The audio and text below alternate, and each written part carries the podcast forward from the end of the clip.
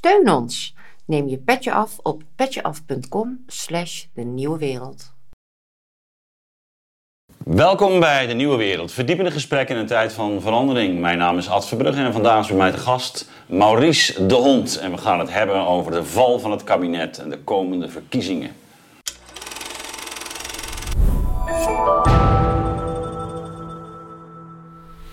Ja, Maurice. Gouden tijden voor jou, hè? Bijzondere tijden altijd als er verkiezingen komen. Ja. Ik zie je al glunderen. Ja, het is gewoon interessant omdat er veel meer bewegingen onder het electoraat zijn. En je weet dat het uiteindelijk eh, op 22 november tot iets gaat leiden. Ja. Ik denk dat we hier dan maar ook wat uh, moeten doen, hè? Ja, zeker. Lijkt me heel goed. We hebben in maart natuurlijk ook al uh, verrassende en heftige uitslagen gezien. Um, toen deed hij al een voorspelling dat het eigenlijk uh, wel nou ja, zeer waarschijnlijk zou zijn dat het kabinet zou vallen. En dat is ook gebeurd. Um, we hebben vervolgens gezien dat uh, PvdA en GroenLinks uh, nog meer bij elkaar op schoot zijn gaan zitten. Hoe kijk jij naar wat er op dit moment gaande is en wat, wat zie je in het land gebeuren? Nou ja, dit worden historische verkiezingen, rechtsom of linksom. Ja. hele bijzondere verkiezingen. Juist ook omdat het niet zo vaak gebeurt dat een, premier, een zittende premier niet aan de verkiezingen meedoet. Dat is eigenlijk gebeurd in 1994, toen Lubbers stopte. Ja. Maar toen was het Kok tegen Brinkman. Maar Kok was al acht jaar uh, ja. in de politiek en al minister van Financiën een aantal jaar geweest. En in 2002 heb je dat gehad. Toen, uh, nou ja, dat waren al heel bijzondere verkiezingen, want toen stopte Kok. Maar zelfs daar waren de lijsttrekkers uh, Dijko, Dijkstal en Melkert dat waren wel al de fractievoorzitters. Maar je hebt één keer maar gehad, dat is ook heel bijzonder, dat een zittende premier niet won. Mm dat in de laatste 40 jaar. Dat weet maar één keer, namelijk Balkenende in 2010. Alle andere verkiezingen ja, ja. heeft de zittende premier werd de grootste partij. Nou, en nu hebben we verkiezingen waar eigenlijk alle dingen samenkomen die, we, die bijzondere momenten waren tijdens de verkiezingen. En dat gebeurt nu. Met nog een hele belangrijke andere component is dat er, in ieder geval uit de peilingen blijkt, eigenlijk nog één persoon is wiens besluit een hele grote impact zal gaan hebben. Ja. Althans, als hij wel mee gaat doen, namelijk Pieter Omtzigt, zal het een hele andere uitslag opleveren en hele andere politieke gevolgen dan als hij niet mee gaat doen. Ja, want hoe, hoe, uh, hoe groot is dat effect? Wat is, wat is er uh, vanuit de peilingen duidelijk? Nou, ik zelf heb bijvoorbeeld in eind maart mm zat hij rond de 6, 38 zetels. Uh, dus als hij een partij zou beginnen, zou hij 6, 36 tot 38 zetels Ja, dan betekent nog niet dat bij de verkiezingen nee, nee. dat is, nee, maar, maar, dat, dat, het... dat het de hoeveelheid aanhang. Uh, bij de afgelopen peiling was dat uh, 30, 29, 30. Maar INO heeft uh, in de Volkskrant een peiling en die kwam op 46 zetels. Um, nou, dat verschil kan, ik technisch wel een beetje uitleggen. Maar er is, een grote groep kiezers die nu zeggen: als hij meedoet, ga ik op hem stemmen. En hij haalt ze van alle kanten. BBB halveert dan. Mhm. Maar ook uh, VVD heeft er last van, zelfs D66 heeft er last van. En uh, ja, we weten nog niet wat hij gaat doen. En de sleutelvraag, als hij meedoet, is ook wie wordt de premierkandidaat. Maar het interessante is dus wel dat hij breed trekt. Ja. Dus, dus zowel nou ja, wat we dan links en rechts proberen, uh, plegen te noemen. Maar dat komt dus van beide kanten. Ja, maar dat is vooral omdat dat een soort afkeer is van de politieke cultuur. Ja. En die zit niet per definitie aan één kant van het. precies. Hij symboliseert eigenlijk een andere manier van politiek te doen. Ja, maar dat geldt voor Caroline van der Plas ook. Ja, maar bij Caroline van der Plas heb je in ieder geval... die heeft het dus heel goed gedaan met de Provinciale Statenverkiezingen. Die, zit, die zakt nu wel wat weg. Mede omdat het onderwerp stikstof ja, uh, minder urgent is en asiel wat belangrijker is. Maar bij Caroline van der Plas weet je al allerlei standpunten. Maar hij heeft, uh, om zich weet je eigenlijk nog niet, als hij meedoet, wat eigenlijk zijn programma zou zijn. Nee. Nou ja, wat we natuurlijk wel hebben gezien de afgelopen jaren is uh, hoe, hoezeer hij natuurlijk op die rechtsstaat uh, zit. Hoe die, hoe die kritiek heeft op het functioneren van de overheid zelf. En dat is inderdaad wat je zegt natuurlijk een, een thema dat uh, zowel bij links en rechts aanspreekt. Want dat gaat echt ook over de kwaliteit van, van die ja. overheid. Ja, maar wat veel mensen niet onderkennen... en althans zeker niet op dit moment, is dat bij de Tweede Kamerverkiezingen verkiezingen iets heel anders speelt dan bij provinciale statenverkiezingen of gemeenteraadsverkiezingen. Namelijk, bij provinciale statenverkiezingen rekenen we eigenlijk partijen af wat ze gedaan hebben. Ja. Ik bedoel, als iemand stemt bij de provinciale statenverkiezing, denkt hij maar heel weinig hoe wordt mijn provinciebestuur of zo. Maar bij Tweede Kamerverkiezingen gaat het er heel erg om welke regering gaat komen en met name welke premier komt er. Ja. Niet voor niks heeft elke keer die premier ook gewonnen, omdat blijkbaar die premierbonus toch een behoorlijk grote is. En kiezers gaan dus, naarmate zo'n campagne gaat vorderen, zich sterker afvragen: wil ik hem eh, of haar als premier? En dat zagen we in 2012. Roemer stond bij het begin, vijf weken voor de verkiezingen, bovenaan in de peilingen. Toen was het eerste debat waar hij Ja. met Lubbers was. Nou, nee, met die- Rutte was. En daar ging hij de mist in. Ja. Omdat Rutte iets heel slims deed. Over wat, hij opperde iets waarvan Rutte zei... ja, maar dat staat wel in ons verkiezingsprogramma. Wat niet waar bleek. Maar eh Roemer was van zijn eh, apropos. En on- ondertussen was Samson. En vervolgens werd het een tweestrijd. Letterlijk, wie wordt onze premier? Rutte of Samson? Dat werd 41 om 38 zetels. Eh, een uur nadat de verkiezingen afgelopen waren, vielen ze elkaar in de armen. Ja. En was dat, tekende dat eigenlijk het einde van de Partij van de Arbeid. Ja, nou kan je natuurlijk sowieso zeggen dat die eh, rol van, van eh, de persoon veel belangrijker is geworden. Precies als gevolg van het wegvallen van de zuilen. Deels toch een minder sterke ideologische oriëntatie bij de, bij de, bij de kiezers zelf. Dus, de, dus die, die persoon weegt heel, heel zwaar.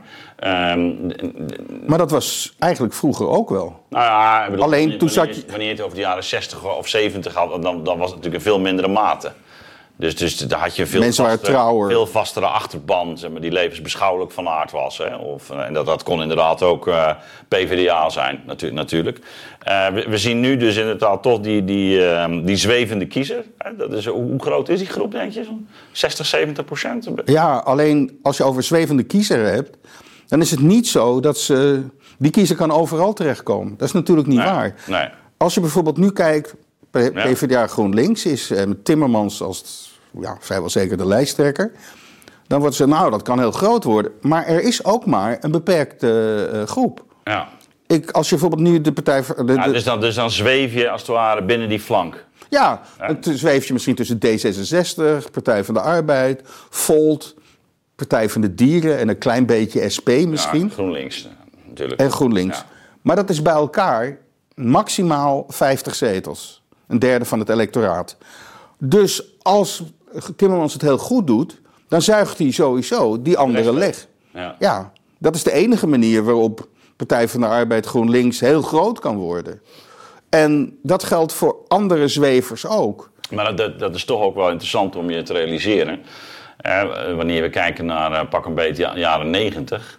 En je ziet, eh, de PvdA zat toen in de 40 zetels volgens mij. Alleen al, hè? Ze, waren, ze, eh, Toch? Zo'n 45 of zo. Even ja. uit mijn hoofd. Ze, ze hebben ook boven de 50 gehaald, maar Zelfs boven de 50 gehad. Kok zat Maar dan- rond de dan- dan- 45. Daarnaast had je natuurlijk nog D66. Daarnaast had je nog eh, GroenLinks. ja, dat heette toen wat anders. Toen waren, de, toen waren ze nog, Had je had je nog- PPR, PSP en zo. wa- was die toch niet, nog niet verbonden in de jaren 90? Ja, ik weet niet op welk jaar Nou ja, zo- precies. nee, maar, maar goed, je had nog aan de linkerkant nog allerlei andere partijen. Ja, En, maar nu heb je het dus eigenlijk eh, al- aan de linkerkant over een maximum van om en nabij de 50. Als, als je ja, en je had het CDA, CDA maar natuurlijk ook nog wel eh, kiezers met ja, linkse... met affiniteiten. Ja. En toen kwam de SP trouwens, die haalde in 2006 25 zetels. Ja. Toen de Partij voor de Arbeid best nog best eh, 33, 34 zetels haalde. Dus links was groter Dan dat het nu is. dan het nu is. Ja. En die zwevende kiezer er gaan geen grote aantallen kiezers van midden of rechts naar PvdA GroenLinks. Hoe, hoe groot is, eh, ja, als we dan toch die klassieke noties gebruiken, die niet helemaal adequaat zijn, weten we ook, maar toch. eh, hoe groot is dan die rechterflank? Ja, maar het fascinerende even, als we over rechterflank kijken, Ja. dan zie je dat bijvoorbeeld als je naar de PVV kijkt, dan is hun sociaal-economisch beleid. Nee, daarom. Dat is, daarom zeg ik, het is niet helemaal adequaat. Ja. Het is niet helemaal adequaat. Maar je ziet wel dat er een enorme spanning is Nou, tussen kiezers die PVV niet- en GroenLinks. Hoe groot is de groep die, Ja. die per definitie niet links wil stemmen? Ja. Nou, dat, dat is, eh, bedoel, neem even de VVD. Ik bedoel, dat is nu de middenpartij geworden, Ja, grote middenpartij. Die haalde laatst 34 zetels bij de Tweede Kamer, maar haalde minder dan 20 zetels bij de provinciale Dat is ook, ook interessant om je te realiseren, hè? dat we dat nu een middenpartij noemen. Terwijl het vroeger was dat uitdrukkelijk echt een, dat was de rechtse partij. Ja, maar dat is de ingewikkelde positie waar we straks op komen van de VVD op dit moment. Ja. Dat het electoraal, eh, laat ik zeggen, politiek gezien de middenpartij is, maar electoraal eigenlijk niet. Maar goed, dus hebben we het over de partij die Ja, buiten, de VVD. Dus dan- dan- nou, neem BBB. Laten we even de, de peiling nu even ongeveer nemen. Ja. Dan zitten ze rond de 25 zetels. Dan heb je de PVV, is 15 zetels. Dan heb je 21, is 6 zetels. Dan heb je Forum met ongeveer 5 zetels. Dus dat is ook al dat 50. is ook 50. Nou, dan heb je nog naast het CDA... heb je de ChristenUnie, de SGP... eh, dus je hebt wat... Ja. eh, ChristenUnie zit wel in, het midden links. Eh, SGP is natuurlijk meer Middenrechts. uit, uit- uitdrukkelijk rechts. heb je nog het CDA. CDA, Nou, dat staat nu 6, 7 zetels. ja. Ja, en de VVD. Dus je hebt eigenlijk drie blokken, waarvan het rechterblok groter is dan het linkerblok. Ja. En het middenblok eerder naar de rechterkant hangt dan naar de linkerkant absoluut. hangt. Ja. ja. En daar komen we precies bij het grote probleem. Even los van omzicht. Omzicht gaat daar doorheen. Ja, nee, dat, dat is natuurlijk het interessante. Daar hadden we het net over. Want Omtzigt heeft een soort meer sociaal-conservatief. Dus er zit een, rechts, eh, een rechtsmotief cultureel. En economisch is het meer, meer links, om het zo maar even, te, even, even grofweg. Hè? Maar je ziet bij hem eigenlijk een soort, soort mengeling. Ja, maar het die- probleem voor hem zal worden dat mensen wel achter hem staan, maar zodra hij een Ja. partij heeft, En- moet en hij zeggen: ja, moet, wat gaat hij dan doen op klimaat? Wat gaat hij doen op eh, Migratie. immigratie? Ja. Enzovoort. En dan wordt het wat ingewikkelder al meteen. Maar goed, hij, hij doorkruist in ieder geval eh, behoorlijk. Maar als we even, even, hem even buiten beschouwing laten, Mhm. dan ehm, wordt het grote. Ik bedoel, laten we even eerst doen alsof hij niet meedoet aan de Ja, verkiezingen. weten we niet. Wat, wat voor beeld geeft? Ja. En daar kom je dan bij het interessante. Dat eigenlijk de combinatie PvdA-GroenLinks de kans kleiner maakt dat links in de regering komt. Ja, maar dat was natuurlijk het nieuws van de week. Frans Timmerman, bedoel, ehm viel al op toen, toen Jesse Klaver zei: nee, ik eh, stel me niet eh, kandidaat. Toen dacht ik, nou, dat betekent wel dat het, eh, dat het Timmermans wordt. Nou, een dag later was dat eh, nieuws ook bekend, volgens mij, of twee dagen. Ehm, dus dus de- de- de- dat is wel de troef eh, die nu wordt uitgespeeld. Jawel, maar, maar als, Maar- als maar- hij het goed doet, en die kans is er best aanwezig, dan, dan zuigt hij een deel van deze, die al laag staat, acht, negen Ja. zetels, eh, wat leger. SP zal het een fractie moeilijker krijgen. Partij van de Dieren zal het iets moeilijker krijgen. Eh Volt zal niet de groei doormaken die het misschien zou kunnen. Ja, waar komen ze dan op uit? je verwacht geen beweging meer. Dus, dus vanuit, die, vanuit die midden- of rechterflank. Nee, niet. En dan komt het grote punt. Dan krijg je dus de VVD, die dan die middenpositie inneemt. En dan moet je even de campagne voorstellen. Mhm. De campagne wordt dan aan de lijsttrekker van de VVD wordt gevraagd... stel, verkiezingen zijn voorbij... eh, Ja, wat, ga- wat gaan jullie doen met wat ga je dan doen met eh, PvdA en GroenLinks?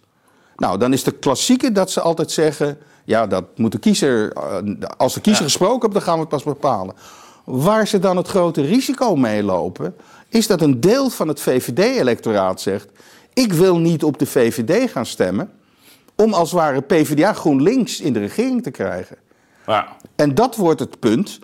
Als de PvdA en GroenLinks niet waren bij elkaar geweest, dan zou een combinatie VVD-PvdA nog een kans hebben. Maar de combinatie met GroenLinks, ik denk dat er nogal wat VVD-kiezers zijn die als de VVD niet uitsluit om met GroenLinks-PvdA te gaan regeren, rechts van de VVD gaan stemmen, omdat daar zoveel alternatieven zijn. Ja, ja en ik, ik heb zelf ook wel eh, eh, gedacht dat die, die, die keuze voor Timmermans, want die is aan de ene kant vanuit de linkerzijde bezien wellicht begrijpelijk. Eh, tegelijkertijd ehm, is hij natuurlijk wel een, een, een, een zeer beladen figuur, omdat hij wordt geassocieerd met Europa. Hij wordt geassocieerd met de landbouwproblematiek, met de energietransitie. Ehm, dus het, het, het kan heel polariserend werken. Ja, maar dus, dat- je, dus, je, dus je krijgt een soort verzet vanuit eh, een, een, deel van het electoraat. Ik denk dat dat best substantieel is. Die zeggen van nou, over mijn lijk. Dus dus eh, we gaan niet eh, de, de koers Timmermans op. En dat is- sluit er zeker zin aan bij wat jij zegt. Ja, maar, maar, maar laat ik zeggen, de kiezers die potentieel links stemmen, daar, stel, daar gelden di- al de- dit soort dingen niet zo. Europa, eh, klimaat, dat is voor hen.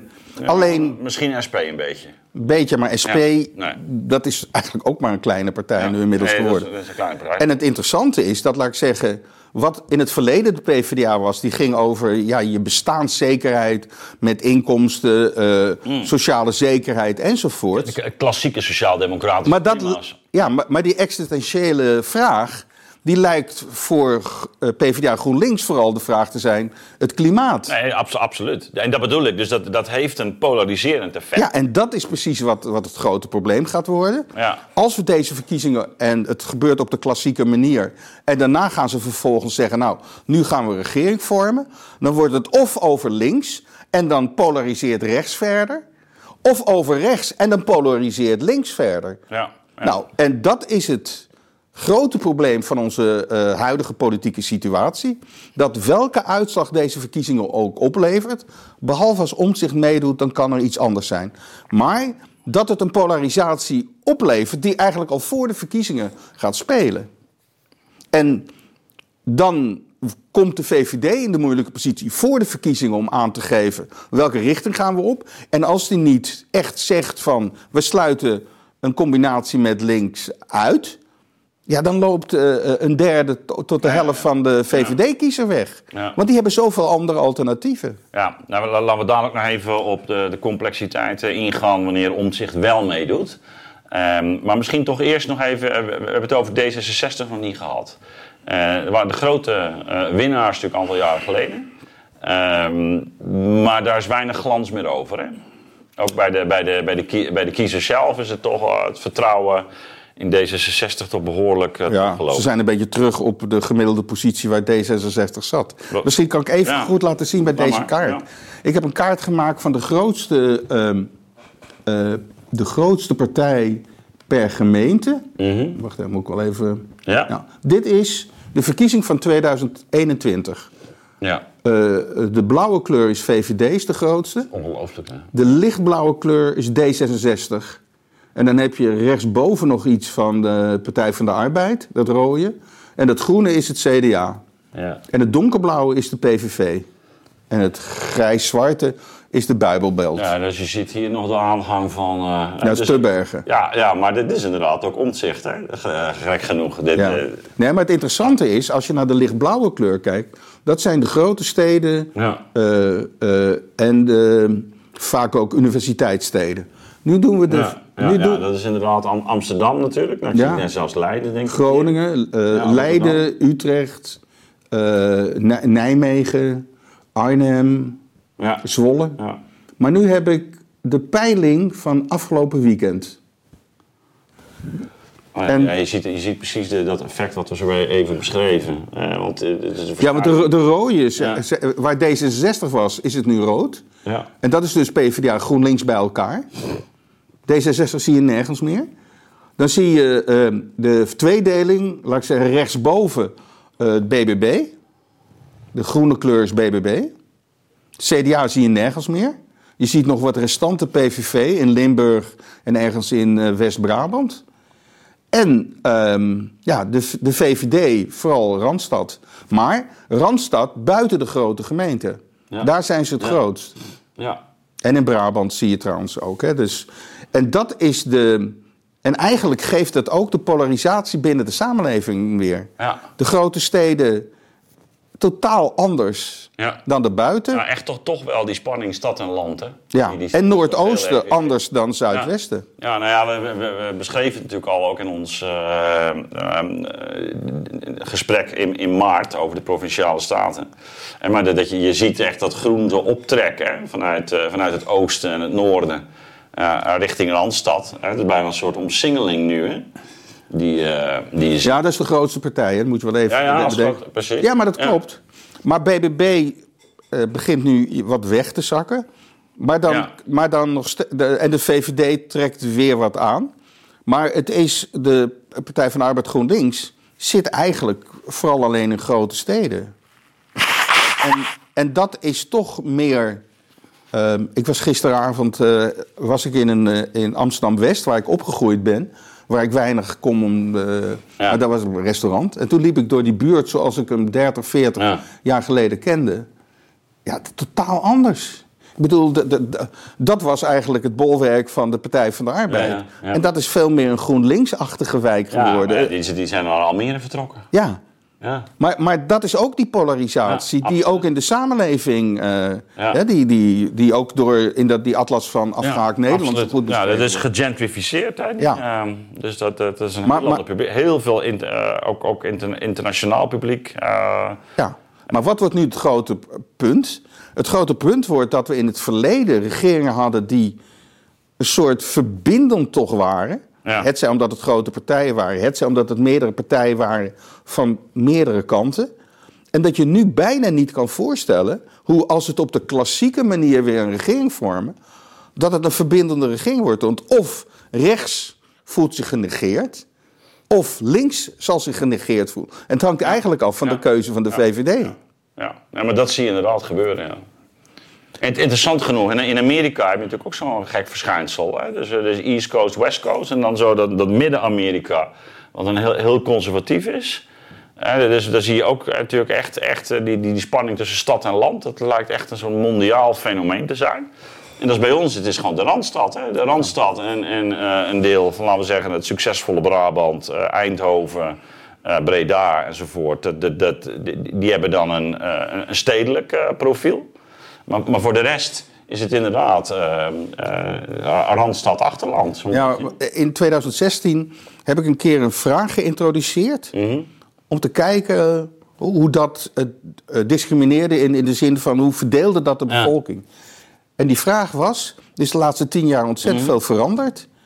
Hebben die veranderingen u vooral kansen opgeleverd of juist Ja. meer bedreigingen? ja. Nou, mensen die zeiden kansen, hadden een heel ander stemgedrag dan mensen die zeiden bedreigingen. Ja. Want mensen die kansen, die stemden, laat ik zeggen, GroenLinks, D66, PvdA ook al steeds meer. En bedreigingen, die stemden PVV, eh, eh, vooral meer aan de rechterkant. En, en, en eigenlijk zie je dat ook een beetje zo door, dat de relatief hoogopgeleide eh mensen in de grote steden, wat nu dus ook het, het electoraat van P, PvdA GroenLinks is, met de klassieke sociaal-democraat van, en, en arbeider, als er überhaupt nog bestaat. Maar die zit daar niet meer bij, omdat hij zich Nee. niet, Nee. omdat hun grote zorg niet zozeer is eh, de CO2-uitstoot. Hun grote zorg is, heb ik volgende maand brood? Ja. Ja, ik zeg het even in nee, nee, nee, maar goed, dat is ook vergelijkbaar met Amerika natuurlijk. Het- is- Het is wel interessant hè, dat- ondanks alle verschillen er toch een soort constante is in die verschuiving. Ik bedoel, de, de, de traditionele, laten we zeggen, de, eh, de blue eh, collar eh, eh, aanhang, en die is natuurlijk ook verschoven. Van, Omdat er ook eh, minder blue collar is als, als zodanig. De- ook, dat, ook dat. Maar, die het is zijn echt verschoven Die zijn echt verschoven in richting Trump. Ja, maar wa- wat je in Nederland heel, heel eh, symbolisch was... dat in 2012 werd de regering gevormd PvdA eh, met VVD. Ja. Die hadden samen meer dan 80 zetels.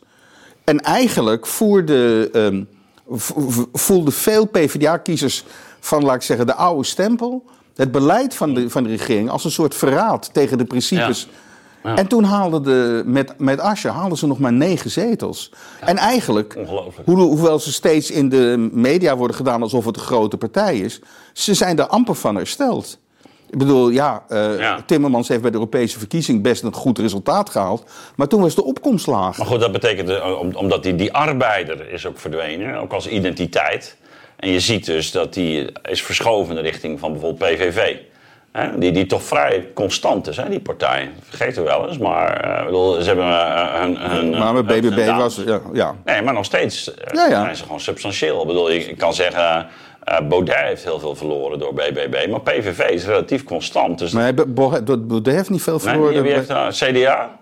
Nee, nee, nee. De, de, de, waar het vandaan gekomen is. is Nee, maar ver, ver, ik bedoel, Baudet Ja, PVV heeft. Nee, maar Baudet. eh, ten opzichte van 2019, maar die was hij al kwijtgeraakt bij de Tweede Kamer. Ja. Tweede Ja, ja, Kamer dat- dat- die acht daar en nu staat hij vijf. Ten opzichte van 2019 zeker. Maar eh, BBB eh, haalde het van alle kanten, maar vooral midden en rechts. VVD heeft maar 11% gehaald hoor. Bij de, Ja. bij de- dus die is het wel kwijt. CDA is natuurlijk, die had nog eh, 15 zetels bij de Tweede Kamerverkiezingen. En staat nu een tegenwaarde van 7.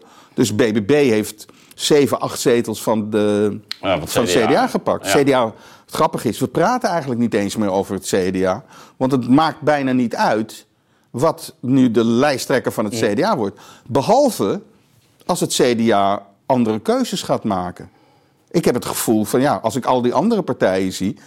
Ik vind het nog raar dat ze eigenlijk nog niet met. Wie zijn nou eigenlijk hun potentiële lijsttrekkers? Nou ja, het stroomt nu ook leeg, hè? Ik bedoel, eh, dus wat dat betreft eh, ligt er ook weer een mogelijkheid. Ja, maar eh, welke kiezers kunnen ze dan nog halen? Nou ja, wie, wie weet dat Mona Keizer met iets komt. Oh, zo bedoel je? Ja. Dat- Ja, pff, op dit moment, hè, het is, leven op 21 juli, weten we nog niet wat er gebeurt. Maar als Omtzigt komt en, eh, en CDA komt, of op een of andere manier gecombineerd... dan gaat dat wel een grote impact hebben op de hele verkiezingscampagne. En vooral, wat ik nog belangrijk eigenlijk, eigenlijk vind... ehm, zou het impact kunnen hebben op de politieke cultuur. Want wat ik eigenlijk vind, wat de insteek zou moeten zijn van al die partijen... Zeggen van jongens, gaan we op deze manier door om na de verkiezingen een regering te vormen die berust op 76 zetels. Terwijl je al weet dat één belangrijk deel van de bevolking Ja. zich volledig uitgesloten, buitengesloten voelt. En dus of dat nou rechts is of links, dat bepaalt bij wijze van spreken de VVD. Maar het zal de stabiliteit van de samenleving en van de politiek niet ten goede komen. Ja, nou, nou is dat natuurlijk die, dat debat over de, de, de stabiliteit van het huidige, stelsel en de houdbaarheid ook van de parlementaire democratie zoals we hem eh, de afgelopen eeuw eigenlijk hebben gezien, eh, is natuurlijk al langer gevoerd, ook in, ook in Den Haag. Ehm eh, Dijkstal heeft er volgens mij ook een, een rapport over geschreven, een aantal, ja, aantal jaren geleden. Remkes, toch? Eh was het Remkes? Ja. Ja, oké, sorry. Ja. Commissie Remkes. ja, commissie Remkes, ja, je hebt helemaal, je hebt helemaal gelijk. Ehm, maar ehm, Ja, dat, is, dat was klein, klein bier wat ze daar voorstelden. Ja, maar, maar wat, wat we nu zien wijst toch wel op, op echt een, eh, ik zou kunnen zeggen, systeemcrisis. Dat het de structuur Ja. in zichzelf eigenlijk eh, ja, bijna het regeren onmogelijk maakt. Of de polarisering waar we het net over hadden, eigenlijk in de hand werkt, versterkt. We, we- we- hoe- Ja. hè, omdat per definitie eigenlijk één groep zich buitengesloten voelt. Ik noem daar maar hè, het voorbeeld van, eh, van Timmermans. Eh, mo- mocht hij op de een of andere manier toch in de positie komen dat hij eh, minister-president wordt, dan zal dat door een enorme groep kiezers als een, nou ja, toch een, een, een, een, een, een teken worden gezien dat de overheid nog verder van hen ver- eh, zich verwijdert. Maar andersom ook. ja, nee, andersom ook. Want, andersom ook. want je kan je ook voorstellen Ja, dat de PvdA GroenLinks de grootste wordt, Ja. maar niet in de regering komt. Ja, ja pre- pre- precies. En, en, en dus in wat de- als ze niet ehm, onorthodoxe aanpak kiezen, Ja, wat zou dat kunnen zijn, die onorthodoxe aanpak? ja, dat, ik heb het al een aantal keren voorgesteld. En dan roepen mensen, ja, dat is eh, niet mogelijk, enzovoort. Ik denk dat we, zeker als we over een democratisch stelsel praten, dat we niet moeten naar een regering waar van tevoren een regeerakkoord met alle punten bij elkaar. En dat iedereen al in dat kabinet bijna gehouden is om maar die punten te doen. Je zou veel beter kunnen zeggen dat je probeert meerderheden op onderwerpen te krijgen in de Kamer. En dat je dan daaruit kan je zeggen, nou dat is tenminste democratisch. En dat je dan een manier kiest waarin de facto alle partijen met een x aantal zetels in de regering zitten. Een, een, een minister of ministers hebben. En vervolgens. Maar dan zou je ook naar een soort zakenkabinet eh, kunnen. Ja, maar dat, dat, dat hoeft niet per se. Want ik had in mijn voorstel. heb, heb ik nog aan het volgende gedacht. Als jij dus. Laat ik zeggen, dan heb je bij wijze van spreken. Fleur Agema op zorg. Of VWS, ik roep maar even wat. En je hebt ehm, eh, eh, eh, Jette op, ehm, op klimaat. En die zitten beide in hetzelfde kabinet. Alleen, de partijen spreken niet af dat ze door dik en dun elkaar steunen. En als ze elkaar niet steunen, dat dan het kabinet is gevallen. Dan kunnen ze dus binnen het kabinet proberen als minister met een voorstel te komen. Bijvoorbeeld op het vlak van asiel. Dan komt de minister die daarvoor is aangesteld met zijn voorstel. En die kan, hetzij, een meer, die kan een meerderheid in de Kamer krijgen. Maar als het hem niet lukt, is er één conditie bij, want anders werkt het niet. Namelijk de conditie, als er wel een meerderheid onder de bevolking is, zou eigenlijk de bevolking de Kamer op dat punt moeten kunnen overrulen. Dus als jij een voorstel hebt Maar dan denk je dan aan een referendum. ja, maar, maar een referendum in de volgende vorm. Niet van bent u voor of tegen. Ik doe een voorstel als minister aan de Kamer. Ik krijg daar geen meerderheid voor. En vervolgens leg ik dat voorstel voor aan de bevolking. En die kan, je hoeft alleen maar te weten hoeveel mensen zijn er voor. Nou, als er 10 miljoen mensen gekozen hebben, is 5 miljoen plus 1 een meerderheid. Nou, wat is nou het interessante als je dat zou doen? Het volgende. Als jij iets in de Kamer brengt, wat wel onder de bevolking een steun heeft, dan zullen die Kamerleden denken: ja, als ze toch over ons heen kunnen, kunnen we proberen in de Kamer nog wat marginale dingen te doen, maar het gaat toch door. Aan de andere kant, als een minister met een voorstel komt wat niet haalbaar is bij de bevolking, dan moet hij proberen in de Kamer een meerderheid toch te krijgen. Nou, misschien lukt dat. En op dat moment kunnen alle partijen transparant zijn en kunnen alle kiezers zich vertegenwoordigd voelen. Nee, zeker. Ik, ik, ik vind het een heel interessante gedachte. En ik denk ook dat we naar onorthodoxe maatregelen eh, toe moeten. Dat, eh, ook wanneer je inderdaad jouw eh, schets ook neemt eh, en, en die polarisering in acht neemt, dan, dan lijkt het onwaarschijnlijk dat je een normaal stabiel eh, kabinet krijgt. Je kunt hem wel formeren, maar het, het kan ook helemaal tandeloos worden. Omdat het gewoon eigenlijk geen kant meer op kan. Maar dat, hebben, we, dat hebben we eigenlijk. Dat hebben we eigenlijk gezien. Dus dus de, de, de kans op herhaling is vrij, vrij groot. Eh, nou, dan is dit een alternatief. En tegelijkertijd is, kleven daar natuurlijk ook weer een aantal risico's aan. eh, die ik overigens wel interessant vind hoor. Eh, want die zou kunnen zeggen: ehm, eh, het, zal de, de, de neiging tot populisme versterken. Waarbij ik niet meteen daar een oordeel over heb. Maar we hebben dat natuurlijk ook gezien bijvoorbeeld rond het referendum van Oekraïne. We hebben het gezien dat we toen bij de, bij de eh, in, in 2000, wanneer was het? 2006 rond eh, Europa. Die, eh, hebben we dat toen voor Ja. gekozen? Dus dan zie je dat, dat in ieder geval politici heel uitdrukkelijk ook campagne gaan voeren in de richting van het publiek. Het hoeft op zichzelf helemaal niet verkeerd te zijn. Hè? Maar dat is wel wat we gaan krijgen. Want je, moet, je weet ook dat het publiek moet steeds erbij bet- be- betrokken worden. Dat is het, dat is het eerste. Tweede is eh, dat het ook tot gevolg kan hebben dat eh, dat publiek op een bepaald moment ja, besluit, bijvoorbeeld rond migratie, om ehm, eh, paal en perk te stellen. Maar wij zijn gebonden aan internationale verdragen. Het zou dus kunnen dat je dus, dus, laten we zeggen, ook internationale verhoudingen in toenemende mate onder druk gaat zetten. Dat is dan maar zo, hè?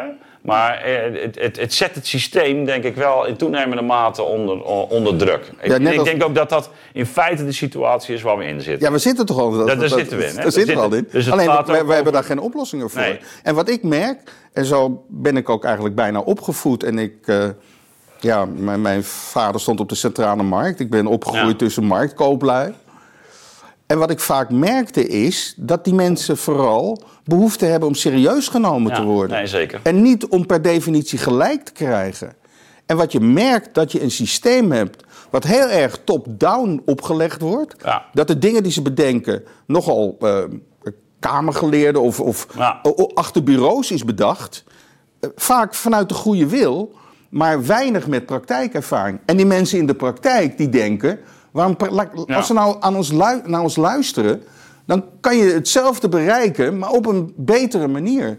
En wat je vooral merkt is dat die polarisatie zorgt dat mensen eh, gekwetst voelen omdat ze niet serieus worden genomen. Terwijl ik juist uit mijn eigen ervaring weet dat als je wel met elkaar praat en wel de dingen meeneemt, dat dat er veel meer basis geeft tot besluitvorming waar het overgrote deel achter gaat Ja, staan. ja, het grappige. Ik zat gisteren bij, ehm eh bij, bij Wierduk. Naar aanleiding van mijn boek nog. En nou, hij bracht ook eh, dus die ehm, eh, kandidaatstelling van Timmermans in. En nou, we hebben er even over gesproken met elkaar. Ik zei, nou, volgens mij wordt één centraal thema, niet alleen van deze verkiezingen, maar sowieso van het komend de- decennium. Eh, eigenlijk de, de verhouding, en dat ligt dus een beetje in het verlengde van mijn, de gedachtegang in mijn boek. Eh, dus het systeem, eh, en, en Timmermans is in zekere zin een representant van dat- systeem. Wa- wat we hebben opgetuigd met elkaar, met internationale verdragen, met al, allerlei verplichtingen die daaruit volgen. Eh, dus de dus de systeemwereld versus eh, leefwereld. Om maar even met Habermas te spreken. Mensen die vanuit, eh, wat jij zegt, eh, vanuit een concrete situatie eh, hun stem verheffen. En ehm, tot op zekere hoogte is ook die spanning tussen omzicht en, en de rest, of Caroline en de rest, is eigenlijk ook een uitdrukking. Is daar ook een uitdrukking van? En die zou kunnen zeggen, Randstad is meer eh, een soort systeem. Eh, dus de mensen die het allemaal goed regelen, eh, eh, voor zichzelf ook. Ja, met name voor zichzelf. en, en platteland is meer ja, degene die, die, die, die, die maatregelen te verduren hebben. En waarbij men het gevoel heeft, ja, maar deze systeemwereld houdt überhaupt geen rekening met wat er in onze buurt en onze wijk gebeurt. Hè? Dus, dus, dus die clash van systeemwereld, leefwereld, nou, en die, die systeemwereld is natuurlijk die eh, globale orde. Dat is die, die, die, die globalistische wereldorde waar, waar we nu in zitten. Ik bedoel, Trump heeft dat natuurlijk ook niet voor niets tot een centraal thema gemaakt in zijn verkiezingen destijds, al in 2016.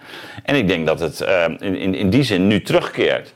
Ja, maar, maar als, je, als je verder doordenkt en ook verder historisch kijkt, dan weet je dat dat veel meer spanningen geeft. En Ja. dat, je, dat kan je wel, je kan het wi- willen en voor mijn part kan je dat uit goede bedoelingen willen. Want daar gaat het helemaal niet om. Maar daar gaat het, bedoel, daar- daar wil ik ook niet over discussiëren inhoudelijk. Maar wat je merkt is dat die spanning, dat het steeds meer spanning geeft. Absoluut. En die spanning gaat gewoon, daar kan je donder op zeggen.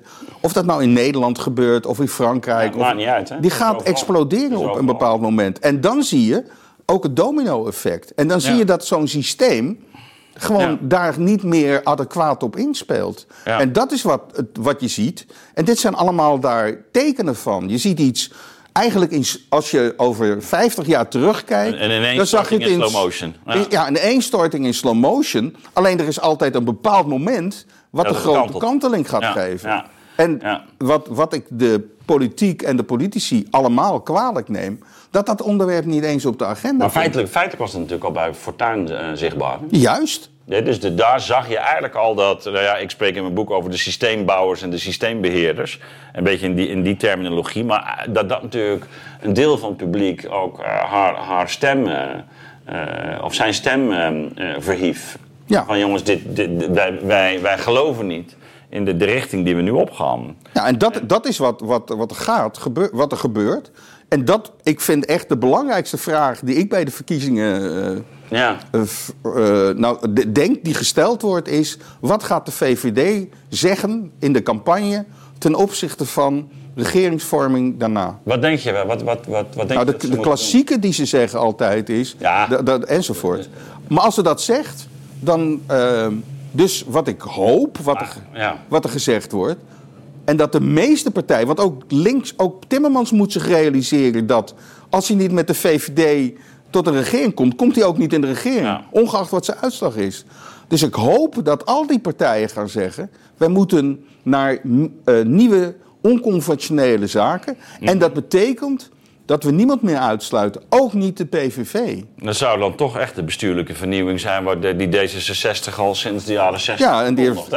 Ja, de met- met- alleen de met- vraag is of zelfs dat. met referendum, hè? Ja, ik bedoel, het is niet in... eh, het, het, eh, de uitkomst ligt misschien niet in hun straatje... maar het is wel natuurlijk... eh, Ja, en dat, dit, dit, dit, deze beweging kan bevorderd worden als om zich mee gaat doen. Ja. Omdat alleen wat ik vaak zie, wat het probleem is, als ik ook zie hoe de parlementaire pers met de politici omgaan, dat ook de parlementaire pers heel erg de, de oude. eh, die is ook Die- heel die erg conserverend. Ja, die, er is onderdeel. van. van, die, van dat Ja, systeem. omdat, omdat ze niet die vragen gaan stellen die eigenlijk gesteld zouden moeten worden. Maar gewoon stellen, ja.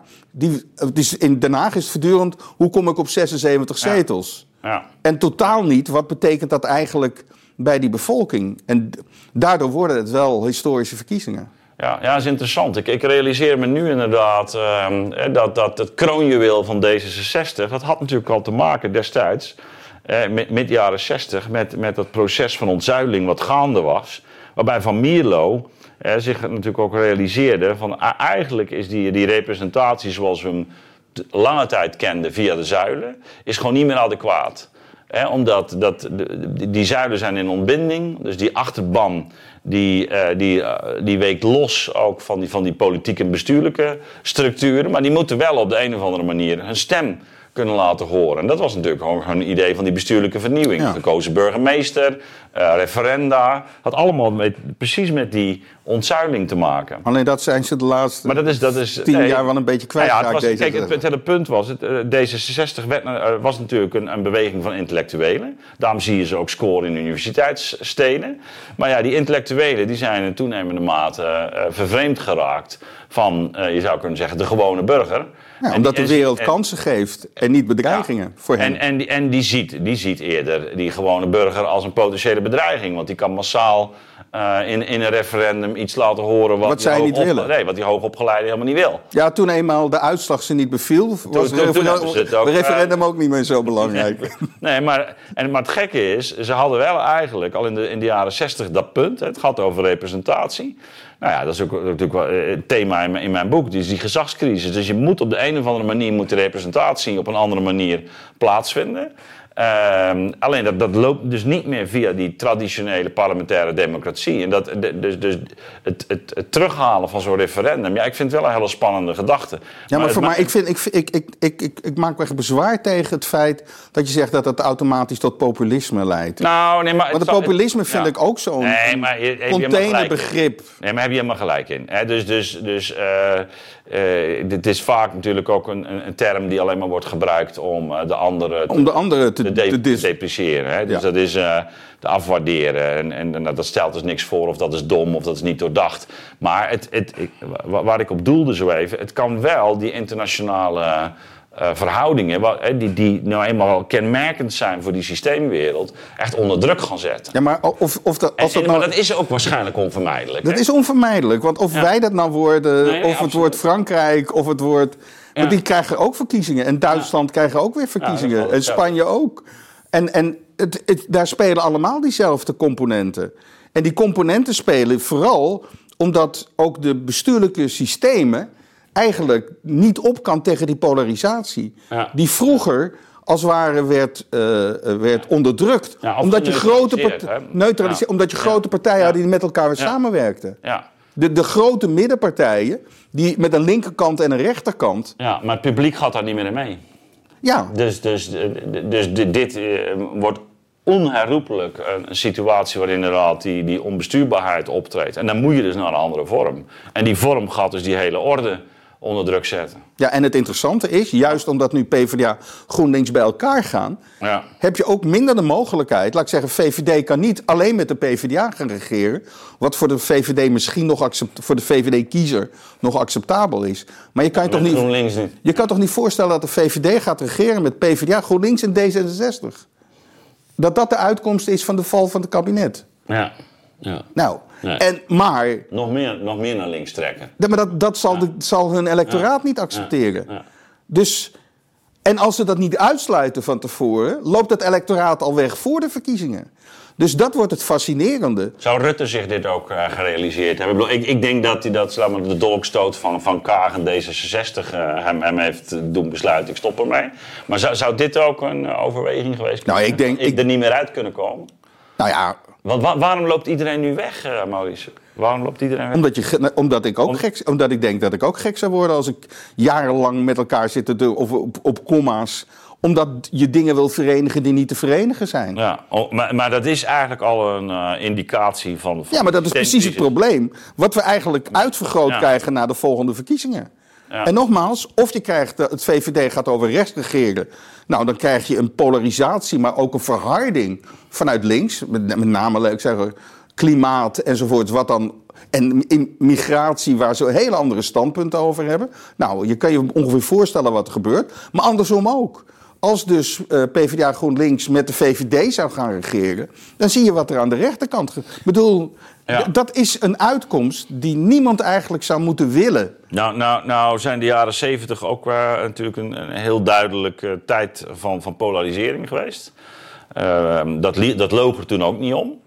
Ehm, Maar dan waren, eh, eh, was radicaal met name aan de linkerfront. ja, ja, zeker. zeker. En dat was niet electoraal een grote groep. Nee. Ze, ik bedoel, maar ze, ze hadden wel grote invloed, maar het Ja. was wel een, Nee, een Zeker. Maar goed, je kan nu zeggen, die radicaliteit zit hem, zit hem nu aan beide, aan beide, beide zijden, kanten. Aan beide zijden. En het midden is veel kleiner. Ja, en het midden is eigenlijk ja, leeggefroten, zou je kunnen zeggen.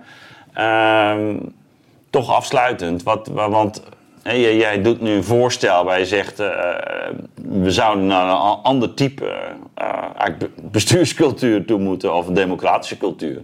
Waarbij dus die, die inspraak van die burger een veel grotere rol gaat. En wat ik zei, kan, kan ook volgens de grondwet. Dat is het Ja. interessante. Je hoeft niet een grote Nee, nee. ingrepen van de grondwet te doen. Nee, maar, maar helder. En ik, ik, ik denk dat we eh, nou ja, inderdaad naar de, over de fundamenten moeten nadenken. En, en dat, dus dat we weer terugkomen bij de analyse die D66 al maakte. Zij het op een heel andere manier. Hè? Dus, dus, Ja. dus, dus we gaan dus nadenken over een, een nieuw soort eh, representatie en de stem van de burger in, in dat politieke bestel. Nou, kan een heleboel eh, eh, op zijn kop gaan zetten. Maar het kan natuurlijk ook leiden tot, tot, tot, tot letterlijk een, een, toenemende polarisering in, in die samenleving zelf.